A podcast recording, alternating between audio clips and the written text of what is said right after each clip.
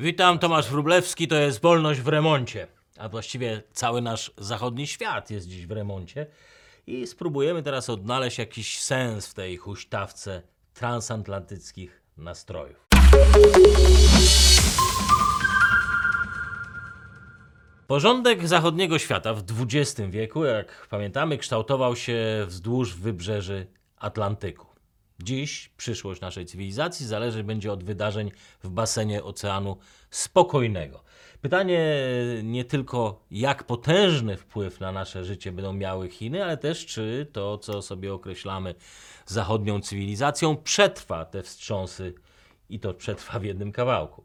Dyplomatyczny rajd Trumpa po Europie tutaj wciąż jeszcze rezonuje oburzeniem.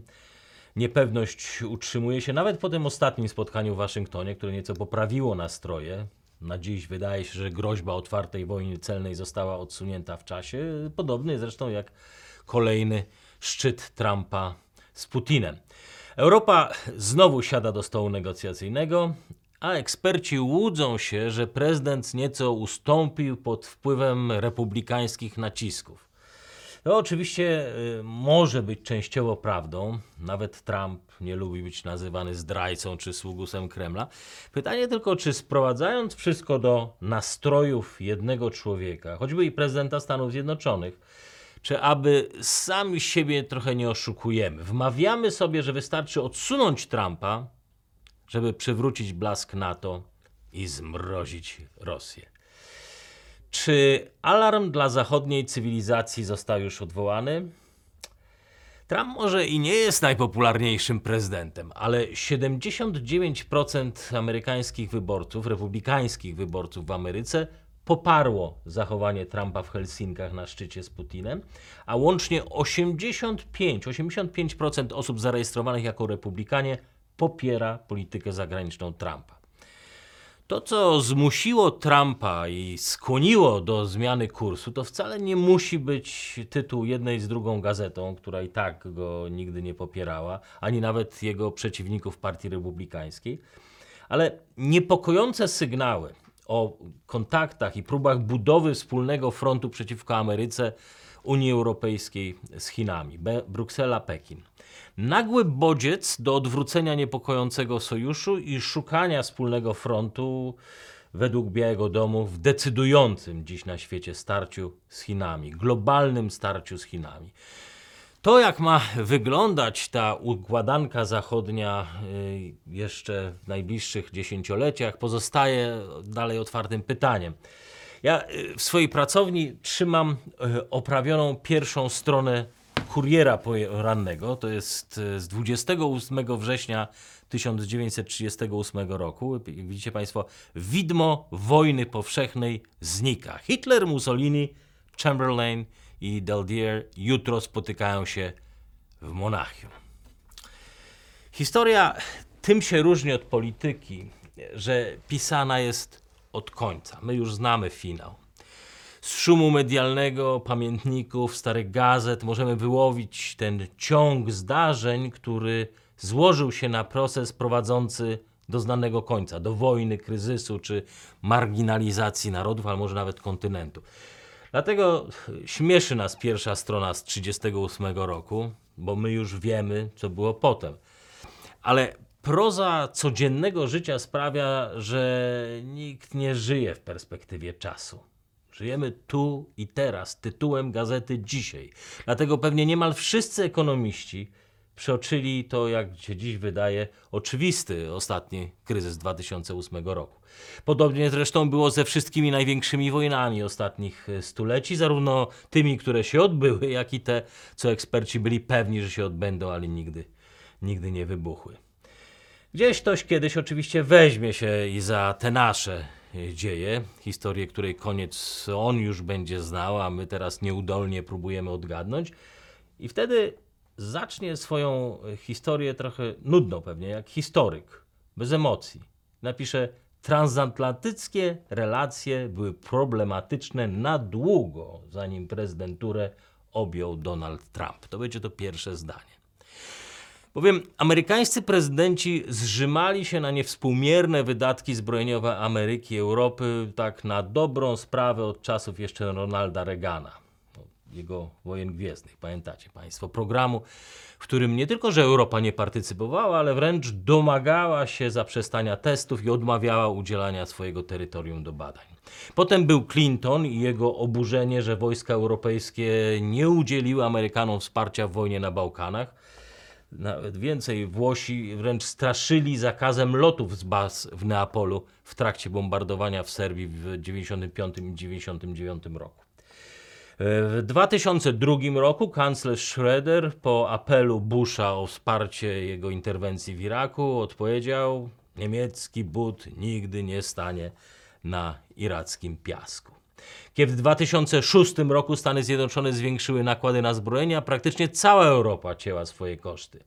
Kiedy w 2008 roku prezydent Obama mówił o europejskich, europejskich rządach free riders, czyli gapowicze, tak, to Obama ukuł ten termin, nie Trump. Kilka państw w tym samym czasie, jak choćby Niemcy czy Dania, przesuwały część swoich środków obronnych na edukację zawodową w ramach pełnienia służby wojskowej. No i to właśnie za Obamy. Jego sekretarz stanu John Kerry na szczycie w Bukareszcie uprzedzał kanclerz Merkel, że kolejny prezydent nie będzie już Europy prosił o wsparcie. Żeby zrozumieć antyeuropejskie nastroje i to poparcie dla Trumpa, trzeba cofnąć się do wielkiego kryzysu. Rok 2008 to dla Ameryki autentyczne, autentyczne przebudzenie. E, Jednym z pierwszych haseł Tea Party, rewolucyjnego ruchu wewnątrz Partii Republikańskiej, było pozbycie się balastu światowych organizacji i paktów handlowych, które poza obciążeniem finansowym tak naprawdę Ameryce nie dawały żadnej wartości dodanej. Obama, którego dziś Unia Europejska idealizuje, wczytywał się w te nastroje, nie przeoczył ich i przekonywał Merkel, że Niemcy powinny wziąć na siebie większą odpowiedzialność za bezpieczeństwo całego kontynentu. Stąd między innymi e, wycofanie się Stanów Zjednoczonych z programu budowy tarczy rakietowej w Polsce. Pamiętacie Państwo, to był 17 września 2009 roku. I to właśnie odbyło się na wyraźne życzenie Berlina. Też na życzenie Berlina Ameryka dała przyzwolenie na budowę pierwszego rurociągu Nord Stream, Nord Stream 1.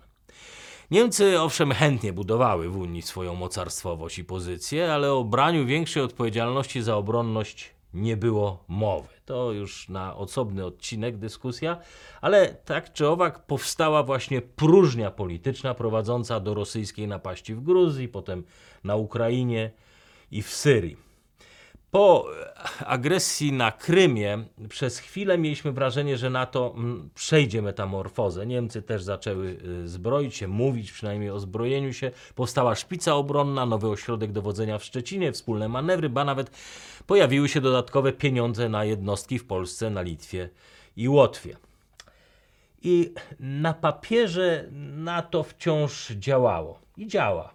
Jak stary dobry zegarek, nakręcony po latach, dalej tyka, choć mało komu już musi odmierzać czas. NATO dalej wydaje dokumenty, wydaje stanowiska, planuje manewry i centra dowodzenia, ale to nie jest już ten sam pakt co kiedyś. Chcielibyśmy oczywiście wierzyć, że to niefortunne, tak to nazwijmy, spotkanie Trumpa z Putinem to tylko drobna rysa na doskonałym transatlantyckim mechanizmie. Niezależnie od tego, czy za dwa lata Amerykanie zmienią prezydenta, czy nie, pytanie o sens utrzymywania kosztownych sił zbrojnych w Europie pozostanie. Żeby zrozumieć, co tak naprawdę się stało w tym drugim dziesięcioleciu XXI wieku, ten nasz wyimaginowany historyk cofnie się pewnie jeszcze 200 lat w tył, do 1823 roku, do doktryny prezydenta Jamesa Monroe i jego czterech zasadniczych punktów amerykańskiego bezpieczeństwa, wciąż aktualnych, choć oczywiście aktualizowanych i uszczegółowianych. Odnoszą się one m.in. do panowania na obydwu oceanach oblewających Amerykę i co dla nas pewnie interesujące, to że y, dla Stanów Zjednoczonych żaden inny kraj nie może zapanować nad ekonomią i bezpieczeństwem całej Europy. No a właśnie tak dziś w Ameryce spostrzegane są Niemcy, a właściwie niemiecka Unia Europejska, jak to mawia Trump. zdominowana przez potężną, prężną niemiecką gospodarkę i system zależności euro. Niemcy dysponują dziś e, 65 miliardami nadwyżki w handlu ze Stanami Zjednoczonymi i tak długo jak Europa pozostaje wspólną europejską walutą, deficyt będzie tylko rósł. Zaawansowane urządzenia, niemieckie samochody, komputery, wyspecjalizowane oprogramowanie, silniki wszystko to skutecznie wypiera rodzimą amerykańską produkcję. W normalnych rynkowych warunkach niemiecki przemysł w sposób naturalny zawyżałby wartość rodzimej niemieckiej waluty. W miarę jak rosłaby przewaga handlowa Niemiec, rosłaby, no powiedzmy, niemiecka marka, a słabłby dolar. To oczywiście ułatwiłoby konkurencję amerykańskim producentom i eksporterom. Ale Niemcy nie mają rodzimej waluty.